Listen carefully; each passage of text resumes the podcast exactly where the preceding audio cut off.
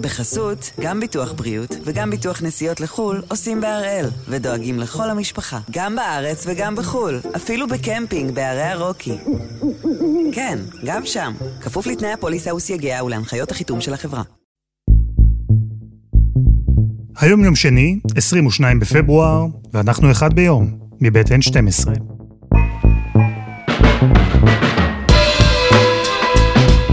אני אלעד שמחיוף, ואנחנו כאן כדי להבין טוב יותר מה קורה סביבנו. סיפור אחד ביום, כל יום. העולם החרדי סך הכל, בסוף לא היו סוגיות אמיתיות שאתגרו אותו. החרדיות, בוא נגיד 70 שנה אחרי קום המדינה, השלימה את משימתה ההיסטורית לקומם את עולם התורה אחרי השואה.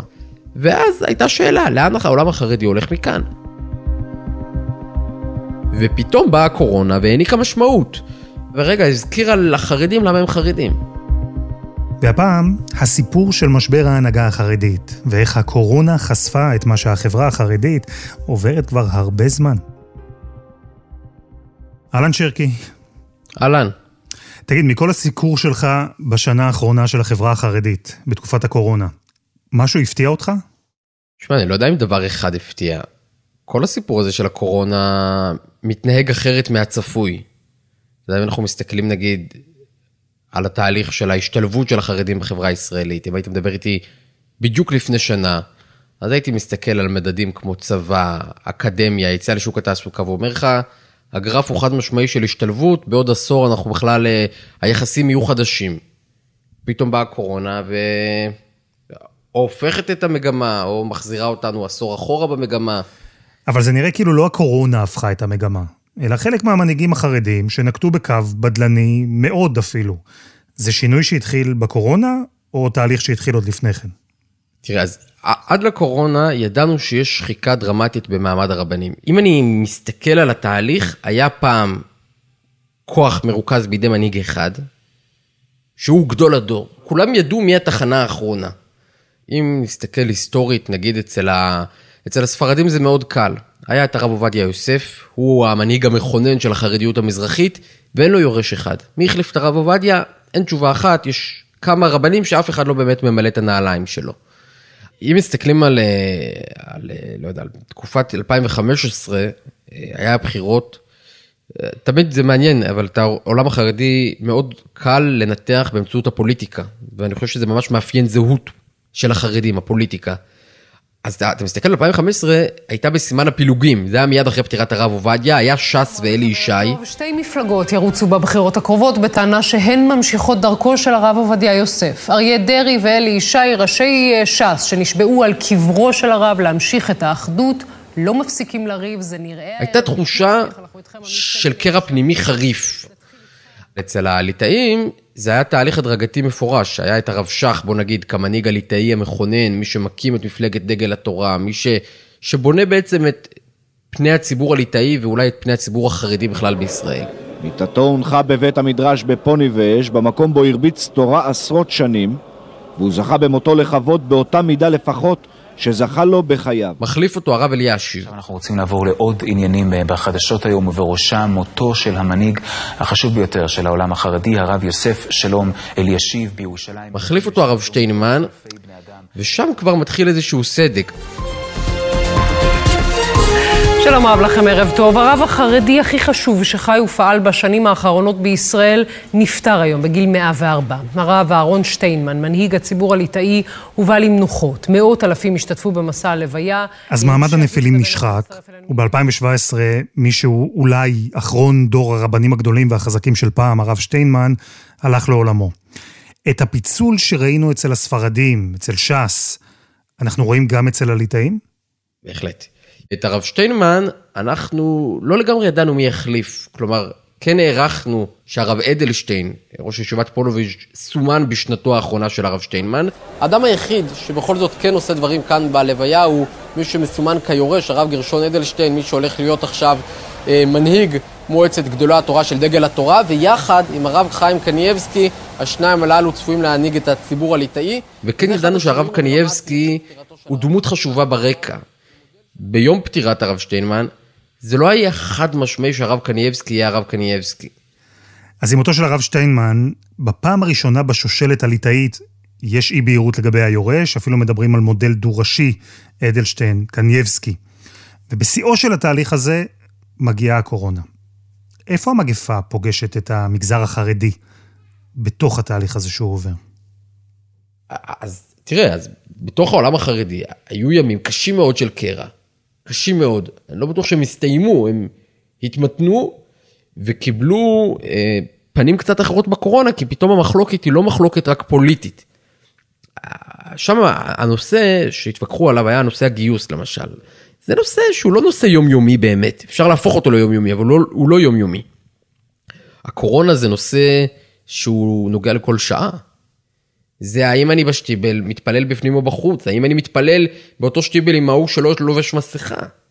האם אני שולח את הילדים שלי לתלמוד תורה או לא, האם התלמוד תורה נפתח או לא, ולמה השכנים כן שולחים. פה בעיניי הקרע הפנימי עוד לא, לא נחשף, הוא כבר לא ברמת ההנהגה. הוא ברמת האם השכן שלי מסכן את הבריאות שלי או לא. והרגע הזה, המשבר הזה, הופך בעצם למבחן הראשון של דור ההנהגה הצעיר. אמרתי צעיר, אבל צריך לזכור שהרב חיים קנייבסקי הוא בן 93, כן. ולמרות ששנים שהוא היה ברקע, הוא הופך לדמות הבולטת ביותר. ספר לי עליו. אני חושב שהרב אה, קנייבסקי מאוד שונה מקודמיו. שנים הוא לא השתתף בעניינים פוליטיים. זה, זה דבר שלא יודעים עליו. הרב קנייבסקי תמיד היה נחשב צדיק גדול, סוג של בבא עם ברכות, בבא ליטאי, וסוג של אדמו"ר, היו, מתייחסים אליו כמו אדם ככה, אתה יודע, קדוש עליון. הוא למדן גדול, מופלג, אבל הכוח שלו הוא מיסטי. הוא אומר מילה, ואומרים זה יתקיים. הוא לא צריך לנמק. הוא באמת, מאוד נדיר למצוא סרטונים שלו אומר יותר משתיים שלוש מילים. זה ברמה הזאת. זה, זה שילוב גם של למדנות ליטאית, אבל גם אה, מיסטיקה מזרחית, וגם גינונים של אדמו"ר, וכל זה מהול לדמות שעולה דווקא בתקופה שדיברנו על ההנהגה הנחלשת, אבל אולי היא חזקה במובנים מסוימים מקודמותיה. למה הלכו בכלל למיסטיקה? אפשר לנתח את זה בכל מיני דרכים. אפשר להגיד, בגלל שההנהגה הקלאסית הייתה חלשה. היה צריך להביא משהו שהוא, שהוא כוח עליון. משהו שהוא מעבר ל... תסמוך על הרב שהוא הכי חכם. ולכן באמת יש את הדמות הזאת שהיא דמות פלאית כמעט. אה, משהו שאני חושב שבהרבה מובנים לא היה כמוהו.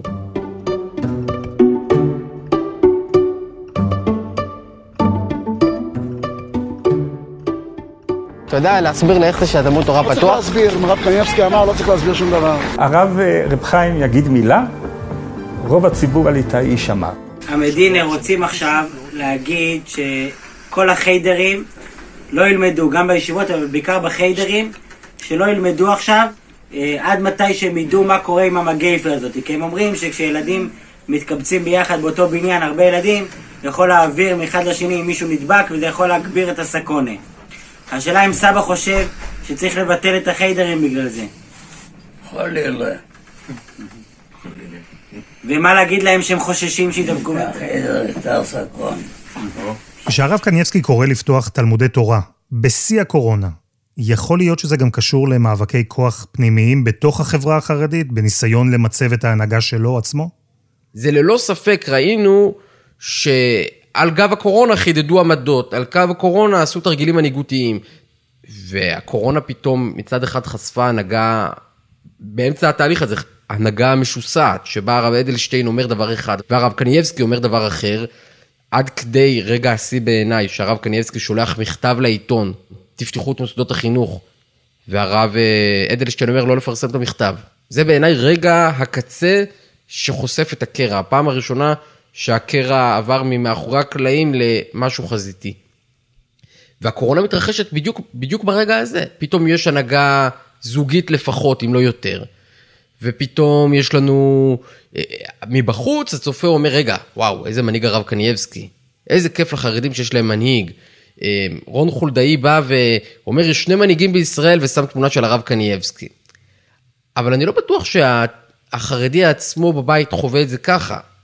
כלומר, מוקדם לדעת. עכשיו, גם אצל החסידים, האדמו"ר מגור, ראש החצר הכי גדולה בישראל, הוא אדם שמקפיד על כללי הקורונה. הוא אדם שהופיע מעט מאוד בציבור, אבל כשהוא הופיע בציבור הוא הופיע עם מסכה. ולעומתו, האדמו"ר מבלז, ראש החצר השנייה בגודלה, הוא ראש החץ של ההפרות. כאידיאולוגיה. אתה פתאום רואה בתוך העולם החרדי, כאלה שאומרים לך לשמור על כללי קורונה זה חובה דתית, כי זה פיקוח נפש, ומי שלא שומר הוא רוצח. ומצד שני אתה רואה כאלה שאומרים, מי ששומר על כללי הקורונה והורס את שגרת החיים הדתית, הוא עוקר את הדת. אנחנו לא מקבלים את החוקים של המדינה, נקודה, מדינה בתוך מדינה. אנחנו חבל לנו שאנחנו לא יכולים לשכנע אותך שתשמור שבת, חבל לנו שאתה לא לשכנע אותה, ואחרי זה, כשתשמור שבת... אתה יודע, אני שאלתי את עצמי, כשראיתי את התמונות מההפגנות, וההלוויות ההמוניות, וההפרות, והלימודים שנמשכו, מה אני בעצם רואה פה? אני רואה ואקום מנהיגותי, או אולי דווקא להפך, מנהיגות חזקה עד כדי כך שהיא מצליחה לקבוע לעצמה ובעצמה את החוקים, אוטונומיה. אפשר לספר את אותו סיפור של הקורונה לכאן ולכאן. העולם החרדי סך הכל, בסוף לא היו סוגיות אמיתיות שאתגרו אותו. החרדיות, בוא נגיד 70 שנה אחרי קום המדינה, השלימה את משימתה ההיסטורית לקומם את עולם התורה אחרי השואה. זה כבר קרה וקרה טוב בצורה מפוארת, ומפעל מפואר וראוי להערכה. ואז הייתה שאלה, לאן העולם החרדי הולך מכאן? ופתאום באה הקורונה והעניקה משמעות. בניגוד לכל התהליכים שסיפרתי לך עליהם בהתחלה, צבא, אקדמיה, תעסוקה, יחס הרבה פחות מסויג למדינת ישראל, השתלבות, ציון המועדים הציוניים והלאומיים, פתאום באה קורונה ורגע הזכירה לחרדים למה הם חרדים. היא באה ואומרת להם, רגע, יש לכם אתוס. הם פותחים קניונים, אנחנו פותחים תלמודי תורה. אנו רצים והם רצים. פתאום יש יש מנהיג בבני ברק, פתאום יש גאוות יחידה חרדית, פתאום יש התקפות מבחוץ שמלכדות את המגזר. עכשיו, אני מתאר שני תהליכים סותרים, כי אני באמת באמת חושב שמוקדם לדעת לאיזה צד המטבע תיפול, כי כן נבנה פה גם משהו. כן פתאום, הרב קנייבסקי אמר, ואימהות שלחו את ילדיהן לתלמוד תורה, אולי בניגוד לאינסטינקט שלהם. כלומר, אני, אני זוכר כשנפתחו המוסדות חינוך, ראיתי איזה ילד יורד מהסעה עם כפפות. וכפפות כאלה פלסטיק כחולות. מי שמבין, הילד שיוצא מהבית בבוקר עם כפפות, אין לזה, אפידמיולוגית זה לא יציל אותו משום דבר. אבל אני חשבתי על האימא שהלבישה אותו, את בן השמונה הזה, בכפפות בבוקר. היא ללא ספק אה, חששה. היא ללא ספק הייתה אולי מעדיפה להשאיר אותו בבית, לפחות בתחילת המשבר. אבל היא שלחה כי הרב אמר. זה גם רגע של... אה, דווקא כשאני מקריב משהו בשביל מישהו, כשאני מציית למישהו, אז פתאום אני, אני מקבל את המרות. זה המשמעות שאני מציית לגדולי התורה. ולכן אני לא משוכנע שהקורונה לא היטיבה עם ההנהגה. ואותה אימא, מקבלת פה את המרות של הרב, או את המרות של מי שנמצא בסביבתו של הרב? החרדי נמשכות ההפכות, וראש הממשלה משוחח הערב עם נכדו של הרב קנייבסקי בניסיון לשכנע אותו. ביחס לנכד של הרב קנייבסקי, הרב קנייבסקי לא זמין. גם כשכל אחד מדבר איתו, מדברים עם הנכד. גם אני דיברתי עם הנכד. אני לא רואה בזה פחיתות כבוד, לא התחננתי, לא אמרתי, אמרתי, תקיימו את ההנחיות. אתה יודע, הייתה שאלה מאוד גדולה לאורך כל המשבר הזה. האם הנכד ינקי, אבל לא רק הוא, אנשי הבית, דוחפים את הרב לפתוח את המוסדות או לסגור. כלומר, האם הרב עושה להם פדיחה, בניגוד לדעתם הוא פותח, והם אומרים לו, בבקשה לא, ורק זו דעתו, או הפוך, הם אומרים לו, תפתח כדי למצב את עצמנו כהנהגה. אמ, אין לי תשובה חד משמעית לדבר הזה, אבל אני נוטה להאמין לכך שלבית הרב קנייבסקי היה יותר נוח, לפחות בחלק מהזמן, שהוא יורה לסגור את בתי הספר, והוא פשוט לא עשה את זה כי הוא לא מאמין בזה. צריך לזכור שהחברה החרדית היא לא חיה בוואקום. ולצד התהליכים הפנימיים שלה, יש גם תמונה גדולה יותר, ואנחנו רואים בתמונה הזו רגע מאוד בעייתי ביחסים של החרדים והחילונים. בהתחלה אתה אמרת שאנחנו חזרנו עשור לאחור. מה השנה האחרונה עשתה על השסע הזה? אני חושב שהקורונה נתנה אה, מהלומה קשה מאוד לתהליכי ההשתלבות, ופתאום מזכירה את הנפרדות, ופתאום מזכירה את ההסתייגות מהמדינה כמדינה, ופתאום גורמת אה, לחשוב שאולי הקנאים שתמיד הסתייגו ממדינת ישראל צדקו בהסתייגות שלהם. ופתאום היא מגדילה את השנאה, גם השנאה כלפי החרדים. החרדים מספרים לי מה הם מרגישים כשהם הולכים ברחוב, איך הם מרגישים כשמסתכלים עליהם. אנשים לא רוצים לעמוד איתם בתור לבנק, ובמכולת, ואומרים להם, אתם מפיצים את המחלות, ולא משנה אם הם החרדים הכי שומרים. ואם תהיה ממשלה בלי חרדים, אה, אני חושב שלקורונה יש תרומה לדבר הזה. רוב מוחץ בציבור, 61 אחוזים, רוצה שהקואליציה הבאה תהיה בלי המפלגות החרדיות. תשימי לב עד כמה אפילו בימין הסנטימנט הזה חזק. 52 אחוז מהימין אומרים, רוצים ממשלה בלי חרדים, 33 אחוז בלבד אומרים, עם החרדים. ליצמן וגפני עכשיו התקוטטו ב... לפני סגירת הרשימות, כי כל אחד רוצה להיות יו"ר ועדת הכספים. למה? כי אף אחד לא רוצה להיות שר. למה? כי נורא קשה להיות היום שר בממשלת ישראל. אתה לא רק חתום על חילולי השבת, שזה תמיד היה התירוץ ההיסטורי למה הם לא שרים. אלא אתה, ליצמן התפטר על הסגר של חגי תשרי, התפטר מהממשלה. אתה פתאום לא רוצה להיות, אתה לא רוצה להיות, הם מעדיפים להיות המפגין, הם מעדיפים להיות האופוזיציה ולא, ולא חתומים על ההחלטות, כי, כי נורא קשה להיות חתומים על ההחלטות היום. אבל מבחוץ לפחות, זה לא נראה שהשנה האחרונה גרמה לציבור החרדי, או לפחות להנהגה שלו, לערוך חשבון נפש ולחשב מסלול מחדש. אתה בעצמך ישבת עם חבר הכנסת גפני, אה, ואולי כאן אני רגיש מדי בגלל אהבתי אליך. לא מפסיקים להראות את האוטובוס השרוף. לא להראות כאילו זה אנחנו. תראו, אנחנו ננצח בסוף. כשאתה יושב מול גפני, ואומר לך, אתה לא תגיד לי, ואנחנו ננצח, ואתם לא ככה, וגם אתה אומר בעצמך, שהוא מדבר איתך ואומר לך, אני אעשה את זה בתנאים שלי, אתה, שרקי, ומה שאתה מייצג עבורו, ככתב של ערוץ 12, לא תגיד לי. איך זה מרגיש לך אישית? אתה, אתה שואל אה, מתוך נקודת הנחה שאני חרדי? אני שואל מתוך נקודת הנחה שאתה בכל זאת מגיע מהמגזר הזה, ובאיזשהו מקום הוא מציב אותך כ- כצד השני.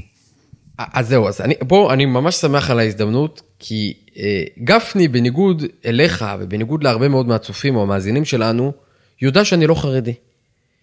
הוא רואה אותי, הוא יודע שאני דתי-לאומי, כמו שהם קוראים לזה, מזרוחניק. אה, שירתי בצבא, אחים שלי שירתו בצבא, אבא שלי למד במרכז הרב, אה, יש לנו תמונה של הרצל על הקיר בבית, לא יודע מה ישכנע אותך שאני לא חרדי. לא יודע, אני לובש ג'ינס, אתה רואה אותי עכשיו פה בבגדי יומיום, לא לובש שחור לבן אה, חרדי. כי אני פשוט לא חרדי, אף פעם לא הייתי חרדי. סוציולוגית אני לא חרדי, השקפתית אני לא חרדי. הוא יודע את זה. ולכן מבחינתו, מאוד קל לו להגיד לי שאני האחר, ולי מאוד קל לקבל את זה. אגב, זה דבר מאוד קלאסי של חרדיות. הם, הם מעולים, אני לא אומר את זה בציניות, בלזהות מי לא חרדי. לא משנה כמה אני אסחה בתוך הצ'ונט הזה, תמיד יהיה מי שיגיד, רגע, אבל אתה לא שמת לב לניואנס המאוד חשוב בתוך הפלג ההוא, שזה ממש, זה שמיים וארץ, כן, אין לזה שום רלוונטיות או השפעה מחוץ לעולם החרדי, אבל הניואנס הזה מאוד חשוב שם. אז במובן הזה, אני לפעמים מקבל במרכאות איזה קרדיט שלא מגיע לי, כאילו, כלומר, אנשים לפעמים חושבים, כשאני אומר מילים טובות על המגזר החרדי, או... אז רגע, אתה מגונן על ה base שלך? לא, זה לא ה base שלי. אני מגונן, כי אני חושב שצריך להסביר, ואני חושב שזה תפקיד שלנו כמתווכי החברה הזאת. יותר מזה אני אגיד לך, הרבה פעמים אני יכול להשמיע טיעון חרדי, ולהסביר טיעון חרדי, בלי לחשוב שהוא נכון. כלומר, אני לא מצדיק את הטיעון, אבל אני מסביר אותו. יש פה היגיון פנימי. אני, בחיי, הגעתי למסקנה אחרת. בהשקפתי הגעתי למסקנה אחרת. אבל, אבל אי אפשר שנחשוב שאין פה היגיון פנימי. אי אפשר שנחשוב שאין פה השקפה, שאין פה מחשבה מאחורי העמדה החרדית. גם אנחנו לא מסכימים עם ההשקפה והמחשבה הזאת.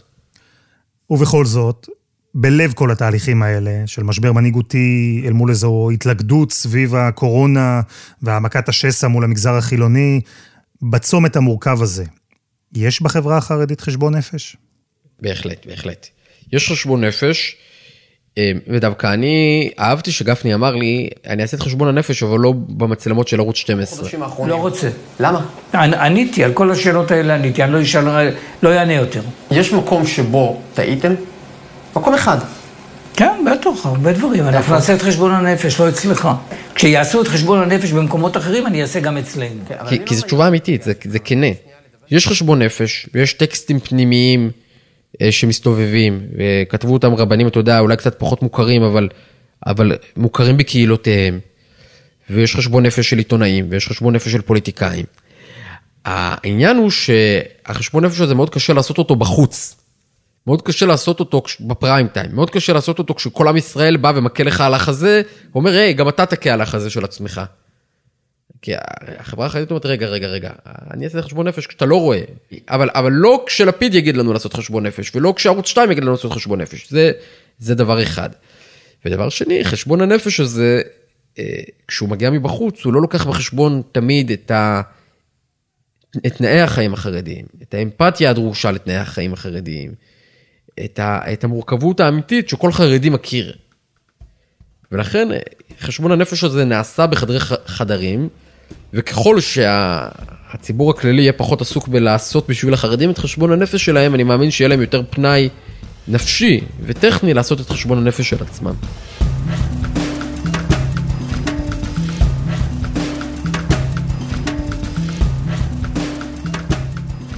שרקי, המון המון תודה. תודה אלעד.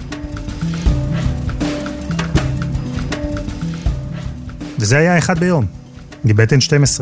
אפשר למצוא אותנו באפליקציית N12 ובכל אפליקציות הפודקאסטים.